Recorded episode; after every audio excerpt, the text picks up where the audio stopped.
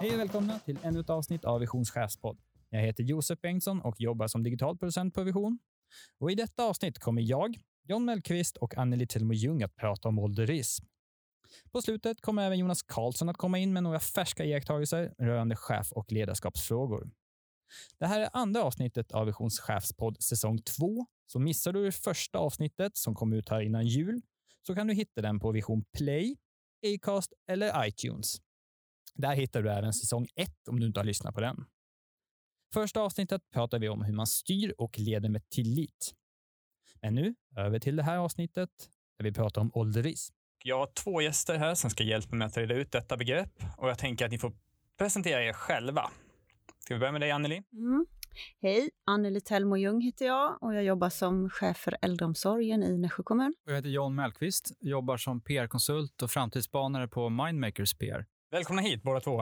Eh, jag tänker liksom, John, du kan ju få förklara. Vad är, vad är ålderism för någonting? Ja, jag brukar skilja på ålderism och åldersdiskriminering. Alltså, ofta blandar man ihop de där begreppen, har jag märkt. Men eh, för mig så är det ganska glasklar skillnad. Ålderism är attityderna som lägger grunden för åldersdiskrimineringen, som ju är en olaglig företeelse eh, sedan 2009 här i Sverige. Och eh, ålderismen är ju det sätt som vi osakligt sorterar framförallt sorterar, inte sorterar in så mycket som sorterar ut människor från möjligheter eh, baserat på ålder. Det vill säga att man, man lägger ålder som en slags raster som, som omöjliggör eh, ja, människor som ska, ska söka vissa uppgifter eller söka jobb eller överhuvudtaget eh, eh göra saker och, och inte få göra det.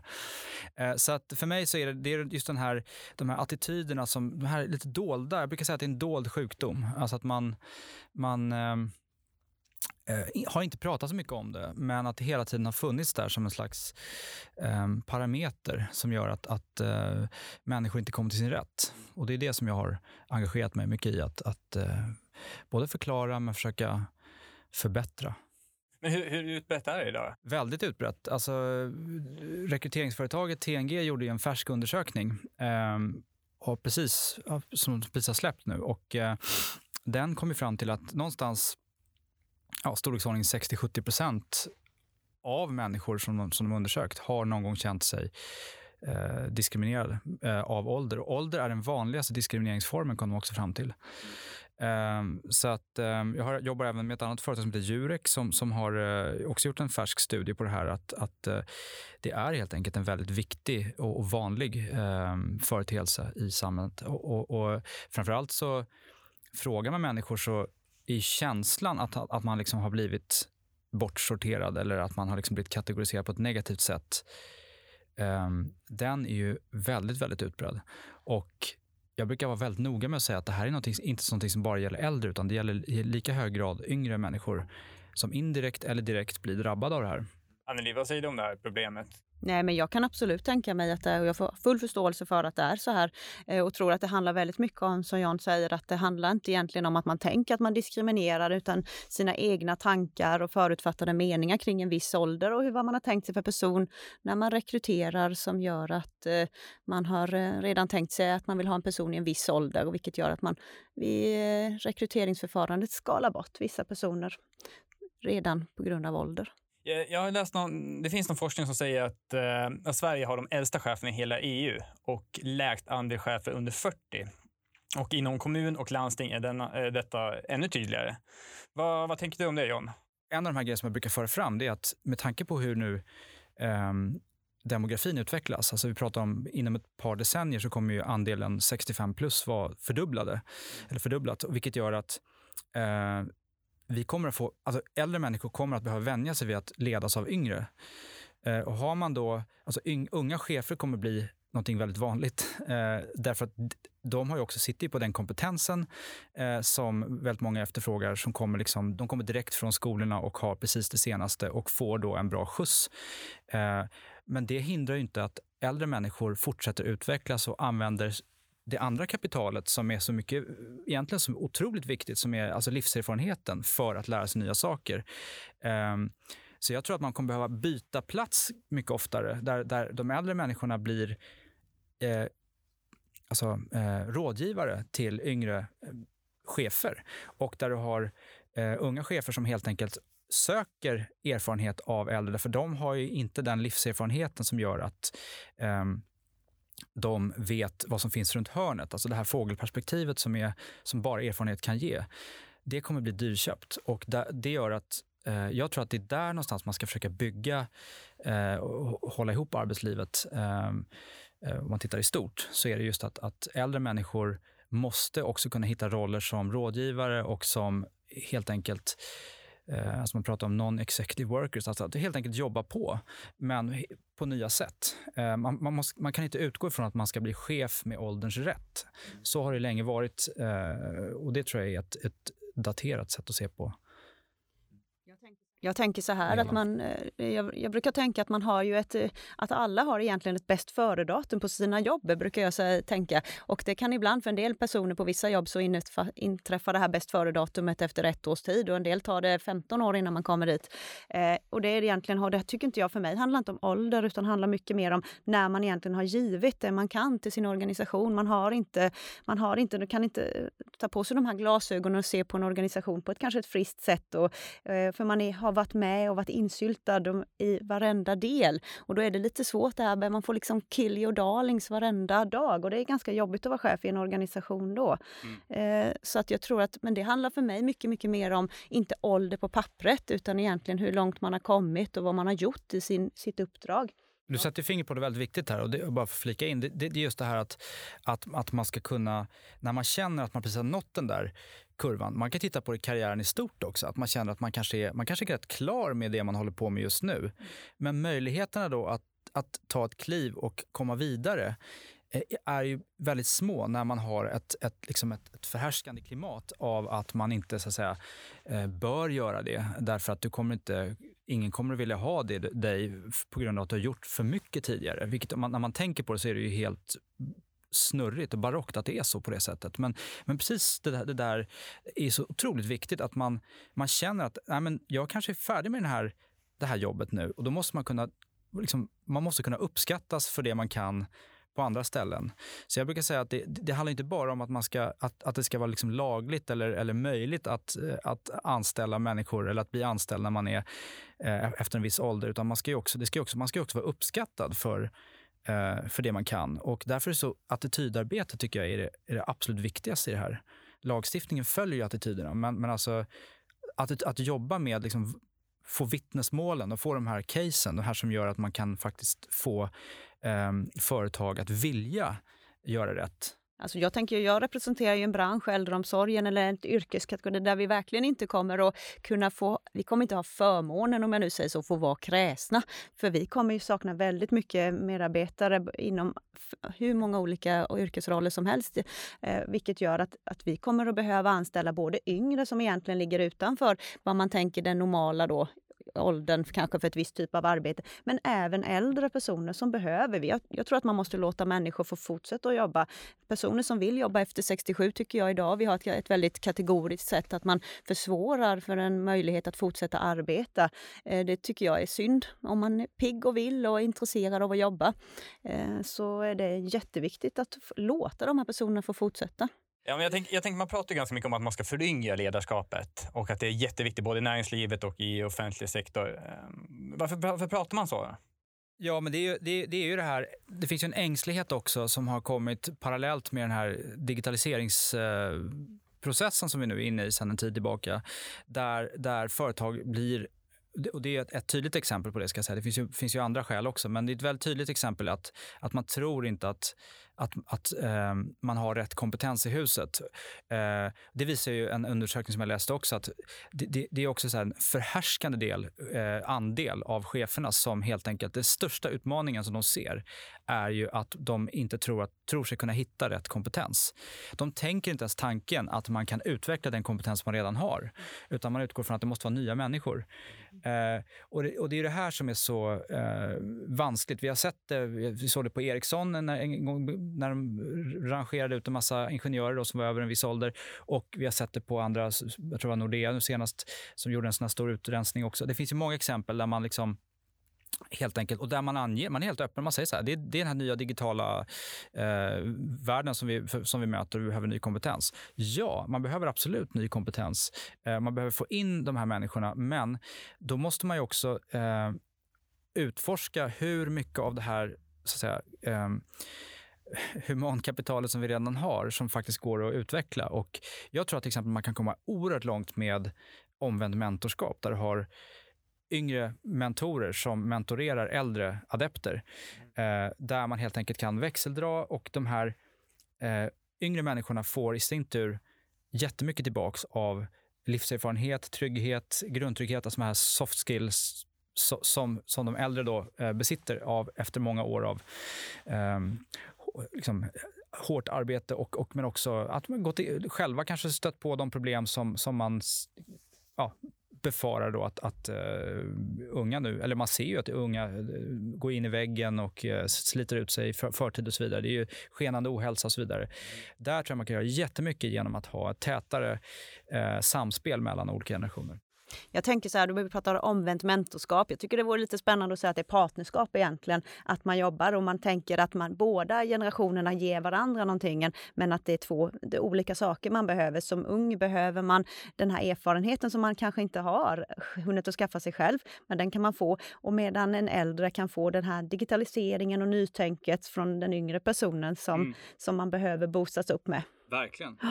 Jag tänker så vi pratar lite om digitaliseringen här. Eh, men krävs det jag tänker att arbetsgivare kanske blir liksom, det är, svår, det är lättare kanske att anställa en ung då som har det här i blodet om man säger så. Mm. Eh, tror du att de tänker så eller vad, vad, hur ska man tänka liksom när man Ja, så tittar man på, alltså man får inte blunda för att det, det är så. Alltså, när man, jag jobbar ju mycket med generationsfrågor också och tittar på skillnader på generationer. Och där är det ju så att en av de nyckelfaktorerna där, det är inte om utan hur internet kom in i ens liv. Det vill säga att, att de som har, man pratar ju, alltså millennials till exempel, de är den första generationen där du har, som, som, fick, som hade en digital device tidigt, alltså som från, från unga, unga år. Eh, och på det sättet så blev de ju eh, väldigt liksom, eh, naturligt skickliga på, på, och intuitiva kring digital teknik. Men sen har du då den generation som, som min egen till exempel, som är, jag är en X, eh, generation X. Vi fick ju ta ett aktivt steg för att lära oss nätet vi vet precis, vi har en enorm tilltro till den här typen av förändringsprocesser och vet precis, alltså det här med att lära sig saker eh, nästan by the book, så att säga, hur man ska göra det och vi vet värdet av det och vi är beredda att gå i döden för att, att liksom försvara de här systemen. Det är vi som, som kämpar nu mot, alltså jag tänker på den här skärmdiskussionerna som, som rör, rör sig nu. Det är väldigt mycket min generation som försvarar skärmens betydelse. Eh, och såna här saker. Så att det finns ju, alltså det här med att man är att man är digital, att man är digitalt nyfiken och så vidare.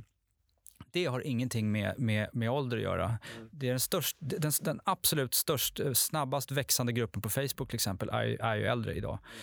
Mm. Uh, och de lägger ner mest tid på, på plattformarna och så vidare. Så att det, där, det där argumentet, om man inte problematiserar det så, så det, blir det väldigt ihåligt. Utan det handlar väldigt mycket om hur kom internet in? Hur använder man nätet? Hur förhåller man sig till nätet? Hur mycket teknik ska vi ha omkring oss? Sådana saker.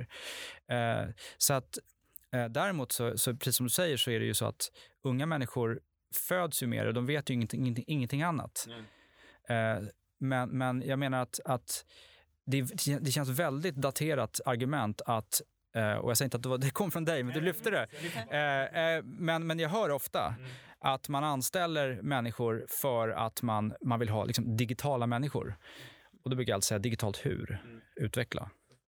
Fast jag tänker den yngre generationen, de har ju också använt sig av tekniken på ett sätt som det de själva väljer. Och här är det ju också en skillnad, tänker jag. Det är Snapchat och det är Facebook, det är Instagram och vad det är. Face, alltså, medan däremot kanske det arbetsgivaren kräver, det är ju teknik som bygger på det, det, här ska du använda. Och det, där utgår vi från att man har direkt en, att bara för att man är skitduktig på Snapchat betyder ju inte det att man kan ta sig an ett eh, digitaliserat ja. system. Jag säger amen igen. Alltså, jag, min sons eh, lärare sa det att fan, det, alltså, våra, era barn, sa de till, våra, till vi föräldrar, sa så här, era barn, ja, de, kan, de kan Instagram, de kan Snapchat, men de kan inte skicka ett mejl. Mm. Uh, och, och, och, och, så det håller jag på att lära dem. Uh, det vill säga att man måste ha en, alltså liksom en, en, en, digital allmänbildning kan man säga. Och en digital nyfikenhet och en digital eh, ska man säga, um, villighet att lära sig nya, ny teknik. Det är en ansträngning. Att lära sig nya saker är en ansträngning om det inte kommer naturligt. Mm. Många, av de här, precis som du är inne, många av de här plattformarna lär de sig därför att deras kompisar har det och därför att man liksom man tvingas lära sig det rent, man motiverar sig själv så att säga, genom andra. Men, men de här sakerna, det här ska du kunna, för det här, det här är senaste. Där skulle jag välja en person som är väldigt uthållig. Och då kan man ställa sig frågan då, om man tittar på de undersökningar som är gjort, vilka generationer är de mest uthålliga? Vilka är de mest envisa? Vilka är de som är mest som, som, som är beredda att lägga en grej ifrån sig och sen hoppa på det igen första de gör morgonen efter. Kanske inte de som är 19, det kanske snarare de som är 59. Mm. Sådana saker. Alltså jag tänker på tekniken idag är betydligt mer, den är mycket mer användarvänlig, den nya tekniken som kommer idag, än om du backar. Alltså ett, ett system för att hantera ekonomi eh, tio år tillbaka i tiden. Du ska komma ihåg att just det där skulle vara ett dollartecken och där skulle vara ett frågetecken. Och, alltså det har ju blivit, tekniken är mycket, mycket enklare idag än vad den var tidigare. Så de som har tagit sig igenom första generationen skulle jag säga, de har liksom gjort den stora kraftansträngningen. För där var det ju mäckigt. Ja, Verkligen. Och alltså, alltså eh, för oss som minns 90-talets, eh, liksom, ehm, när, man, när det skedde den liksom IT-revolutionen IT som skedde då, som, som alltså tydligt kommer ihåg från min arbetsplats där där de som hoppade på, ungefär hälften då hade datorer, på en reklambyrå, ungefär hälften hade datorer. De som inte eh, liksom hoppade på det tåget och lärde sig Mac, de finns ju inte kvar.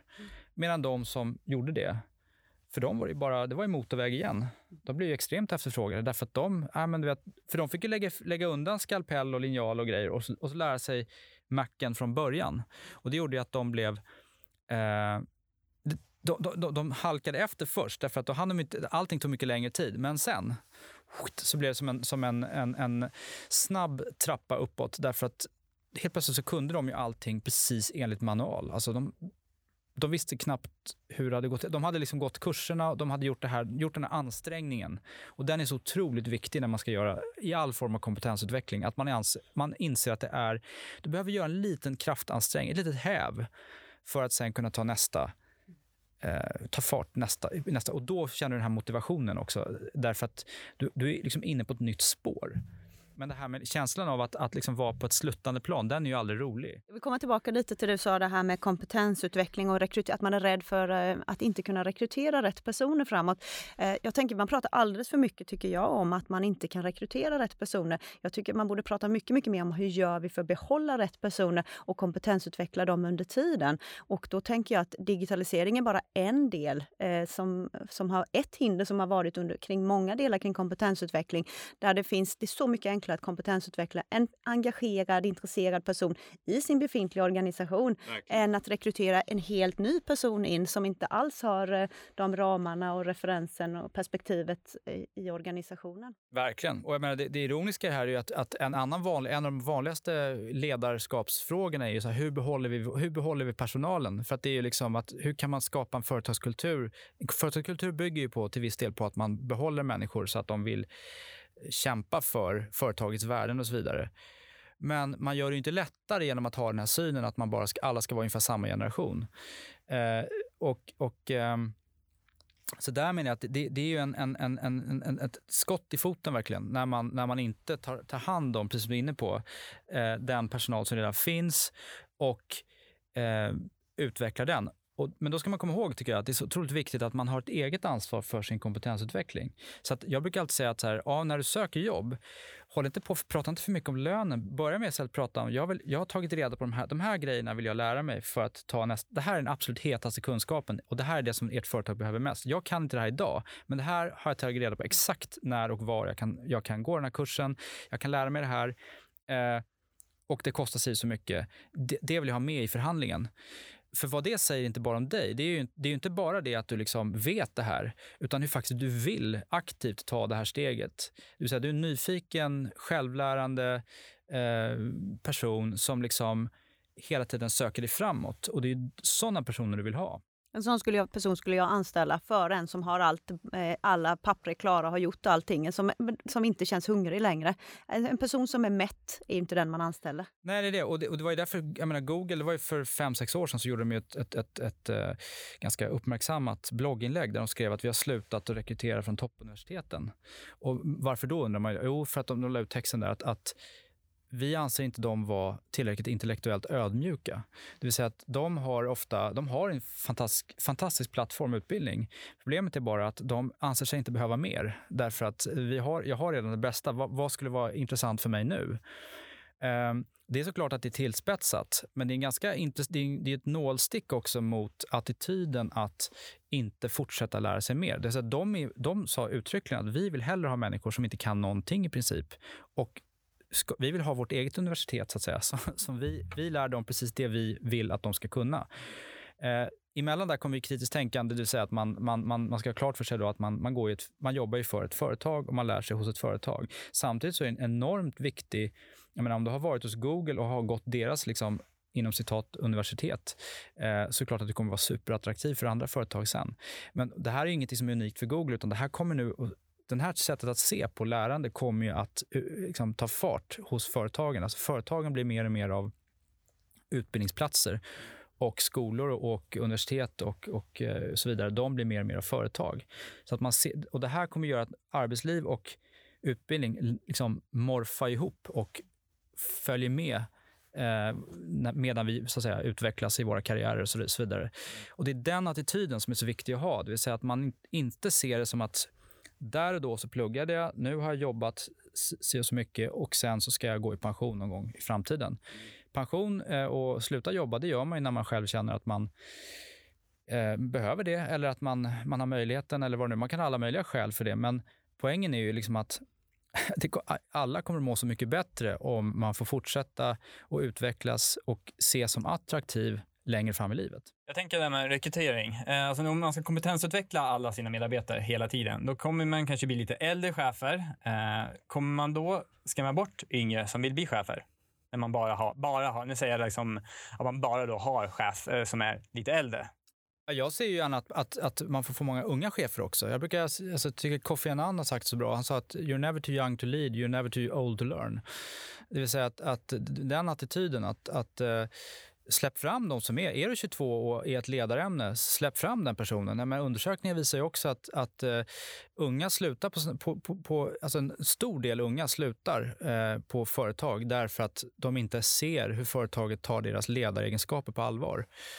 Så att släpp fram unga starka ledare. Se till och var runt omkring dem istället om du har erfarenhet och är äldre. Låt inte liksom, eh, chefskapet bli ett, ett, ett självändamål. Du kommer att få ett, ett stort inflytande i vilket fall som helst. Och du, kommer kunna vara, du kommer absolut kunna vara chef, eh, men det finns ju många sätt att leda menar jag. Och, eh, jag tror att, att ska, vi, ska, vi få en, ska vi få en utveckling där Sverige fortsätter utvecklas och vara ett land i, i världsklass på många sätt, då måste vi eh, vi måste helt enkelt ta till oss att, att demografin svänger nu och uh, unga idag lär sig företaga, lär sig leda mycket, mycket tidigare. Man har ju entreprenörsskolor och så vidare. Det kommer ju fram, alltså redan i eh, alltså nya utbildningssystemen, eh, de handlar om att man lär sig driva företag redan från, från uh, lågstadieålder i princip, i små steg. Men att för att man ska få en bättre, uh, vad ska man säga, en bättre infartsvinkel mot arbetslivet Eh, så att, och sen, så kommer ju, sen, sen, sen kommer ju då utbildning kommer ju hålla sig mycket närmre arbetslivet längs hela karriärkurvan. Så att jag menar att, att, att i vissa fall så är det alltså ypperligt att, att det är en, en äldre chef, en äldre ledare som har precis den, för att han eller hon har precis den här kapaciteten och den här, den här attityden att liksom hela tiden ta in nytt och lyssna, få in, lyssna och få människor liksom runt omkring sig att, att bidra på olika sätt. De människorna kommer alltid vara en bra centralpunkt.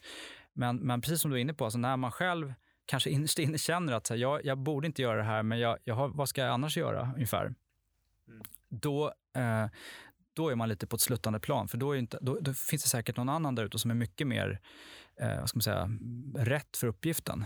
Eh, men det är viktigt att, att liksom låta både unga människor får prova, släppa fram och samtidigt att, att hålla, att inte rensa ut äldre människor utan, utan faktiskt ha kvar dem i närheten. Anneli, jag tänkte du kom ju in som ganska ung chef. Mm. Hur var det för dig att komma in? Nej, men alltså, första åren, jag var ju då 23 när jag började jobba som chef eh, och egentligen så var det, i början var det väldigt mycket fokus de första åren på min, på min ålder men egentligen bara inledningsvis när jag träffade en ny grupp eller tog mig an ett nytt chefsuppdrag och att om en lilla vän, hur ska det här gå? Vi min dotter är ju lika gammal som dig. Och, och då var det mycket så att det var sådär, jag tänkte, ja ah, men när jag fyller 30 så blir det ju, det blir det gött. Då kommer jag över på andra sidan på något sätt. Så det, men eh, alltså, det där är egentligen det är ingenting som, men ja, det är så att man fokuserar på det, det går inte att komma ifrån. Men man, så, har man valt att gå in i ett chefsuppdrag när man är ung så får man ju också ha med sig det, att, att de fördomar och tankar som det kanske väcker hos andra. Mm. Sen behöver ju inte det betyda att, inte, att man inte är bra bara för att man, inte, för att man är ung. Det har ju absolut inte. Man kan, vara,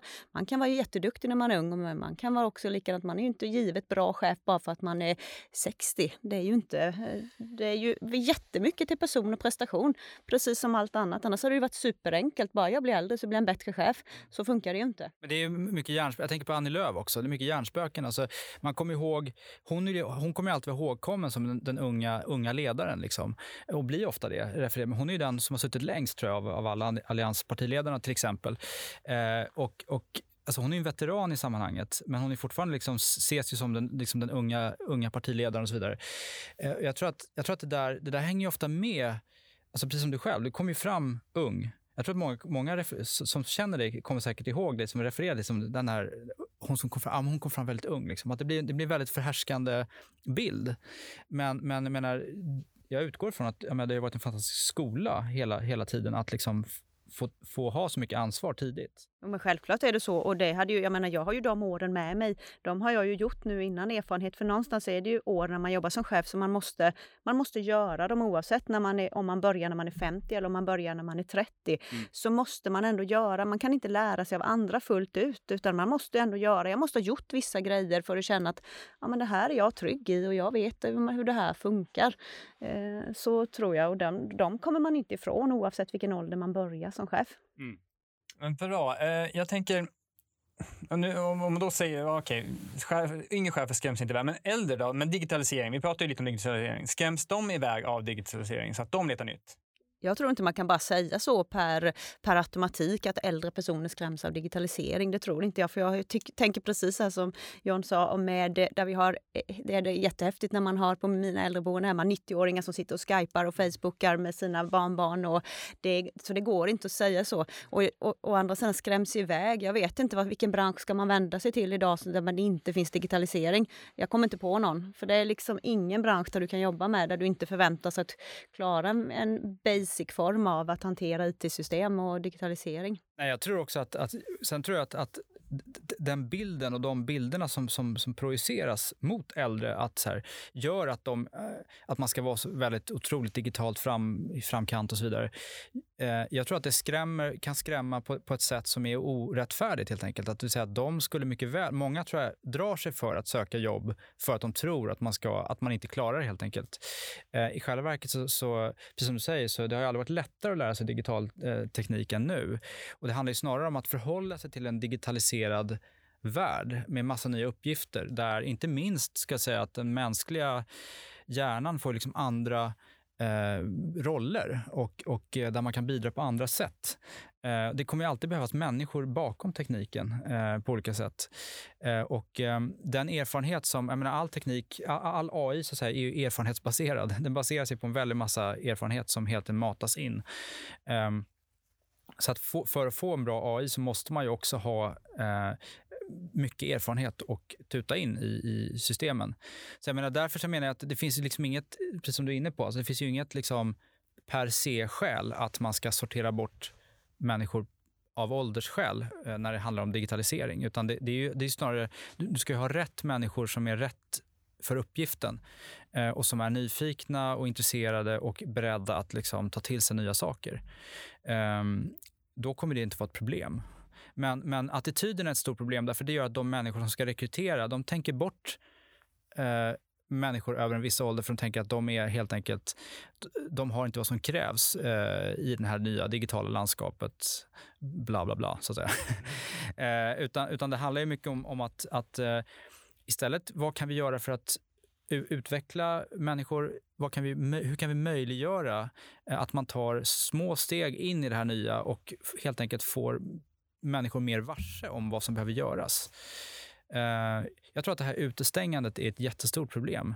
Där man antingen, vi har ju det här problemet i Sverige, att man antingen ja, på många ställen, men, men alltså att antingen är man i jobb eller inte i jobb. Jag tror att man måste kunna vara ta små steg in i, i livet när som helst. Alltså jag skulle vilja älska att se seniorpraktik till exempel i, i, i mer utbyggd och mer ska man säga, motiverande form. Där, där du ska kunna, jag, jag har jobbat ett helt arbetsliv, nu skulle jag vilja lära mig fotografera. Ja, men då finns en praktik som du kan ta några steg in här, du jobbar med en toppfotograf eh, och lär dig precis grunderna. Eh, och sen så tar du små steg och sen så, så att du kommer igång utan de här kraven på att det ska vara liksom, vissa villkor, det ska vara, allting ska vara så väldigt liksom, um, fyrkantigt. För då tror jag att det blir mycket svårare. De här, de här gränserna blir mycket hårdare mot att man är antingen innanför eller utanför. Jag tror man måste, där måste man nog, eh, eller där måste man luckra upp eh, gränserna för att kunna röra sig in och ut i, i arbetslivet. För att man har ju olika perioder i livet när man är, är liksom, man är i olika faser. Eh, man har olika möjligheter att, att liksom ta steg. Och Det finns ingenting som säger att man inte sent i livet kan känna precis en sån här stark drivkraft att jag vill lära mig det här, jag vill ta till mig det här. Och Då ska man inte behöva tänka ens tanken att liksom, är jag för gammal? Jag tycker vi ska avrunda här lite här. Eller känner ni att det är någonting mer vi vill, ni vill prata om innan vi Nej, men jag tror väl det man kan lägga till här, som vi var inne lite på i, här in, i början av den här diskussionen, det handlar ju också om den här hur man trivs på arbetet. Vi har ju en, en ung generation där vi har ganska stora utmaningar, där vi vet med den psykiska ohälsan till exempel som ökar i, i den yngre ålders, mm. åldersgrupperna. Och där man ser, där tror jag att man måste försöka lära även den delen, för vi ser ju i våra medarbetarundersökningar att de som är mest nöjda med arbetet, det är faktiskt de som är inte de precis, alltså där, det är faktiskt innan man ska gå i, när man är lite äldre alltså man mm. är 40, 45 plus. Och det är ju också någonting att ta sig an och trivas på arbetet gör ju också, det är ju jätte, jätteviktig aspekt för att kunna vilja utvecklas, vara engagerad och kunna bidra och vara en god kollega i, i så många aspekter. Någonstans, mm. Så att eh, jag tänker att där finns också en sak som vi, den äldre generationen behöver lära den yngre generationen. Hur, hur mår man gott i livet? Mm. Eh, jag tänker att um några tips är alltid bra. Mm. Eh, hur, har ni några bra tips på hur man ska motverka ålderism? Ja, träffa många människor på riktigt. Det är ju en sån där, släpp skrivbordet. Eh, och, och, eh, för det är så lätt att man fastnar i det här CV och mejlträsket där man liksom bara sorterar efter personnummer. Vi har ett personnummersystem i Sverige tyvärr. Eh, och det gör ju att man, man ser det här väldigt tidigt och hinner tänka väldigt många destruktiva tankar innan man får chansen att träffa människor på riktigt. Jag brukar, jag brukar ta en jämförelse. Om du, har, om du till exempel har din, din mormor eller din farmor eller någon som du, har, har, som du har en stark relation till, så tänker du inte på den människans ålder. Därför att det är personen som du, liksom är helt, som du alltid har känt som är viktig.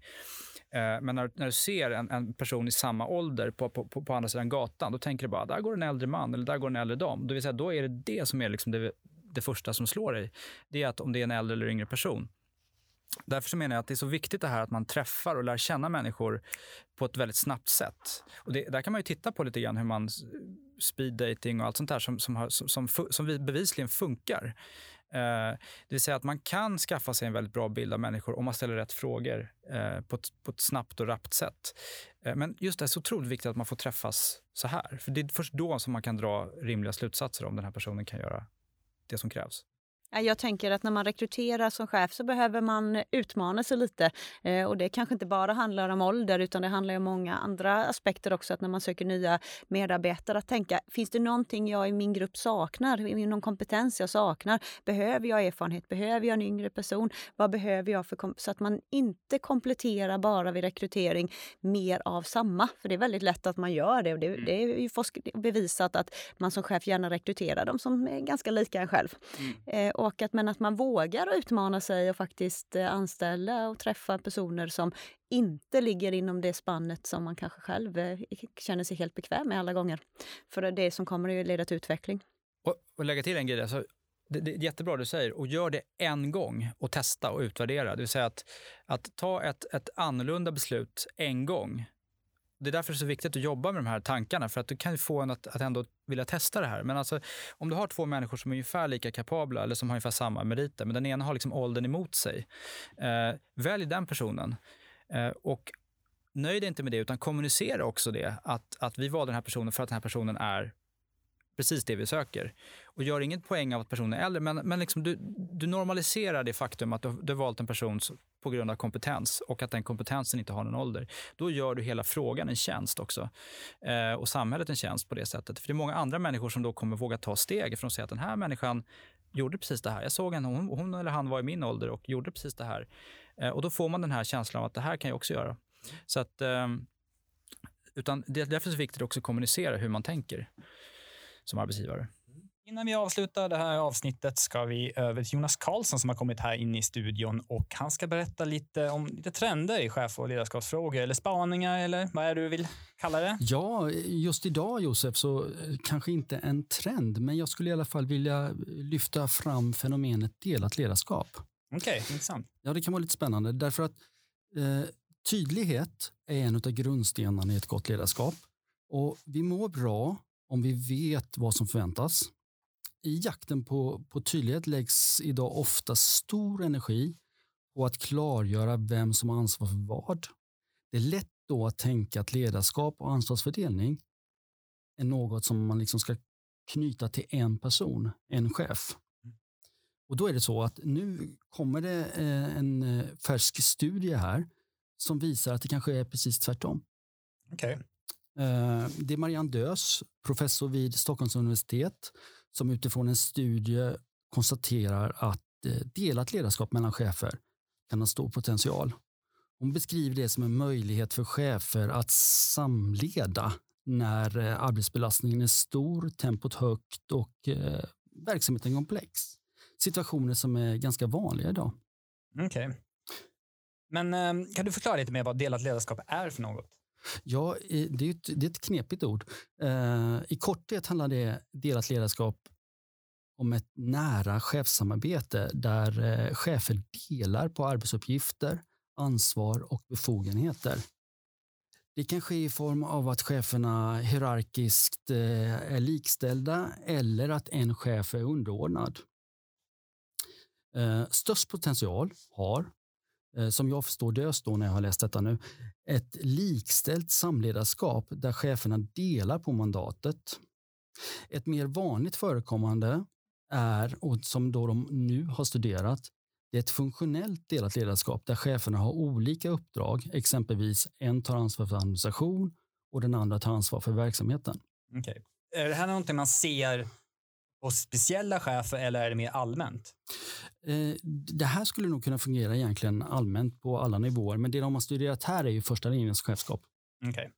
Men är, är det här vanligt då, eller är det bara en önskvärd ja, jag, jag har inga aktuella siffror på hur vanligt det är med delat ledarskap och inte beredd heller att generellt uttrycka det som önskvärt.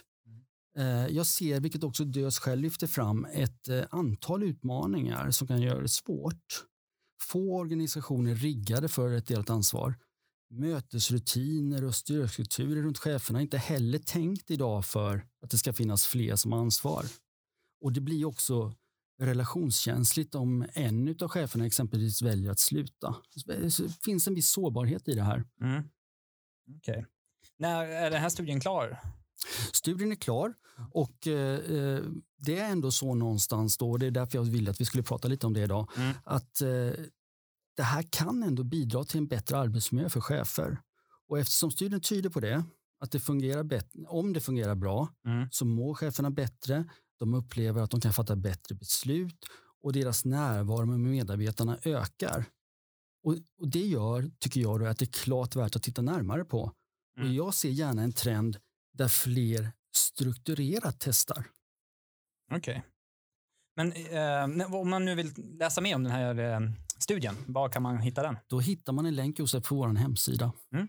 Okej, jättebra. Och den, ja, den finns idag redan? Nej, den ska Josef skriva. det ska jag skriva. Så den kommer finnas eh, ute då när, eh, när det här programmet sänds, det här poddavsnittet sänds. Yes, yes, yes. tack så mycket Jonas. Tack så mycket.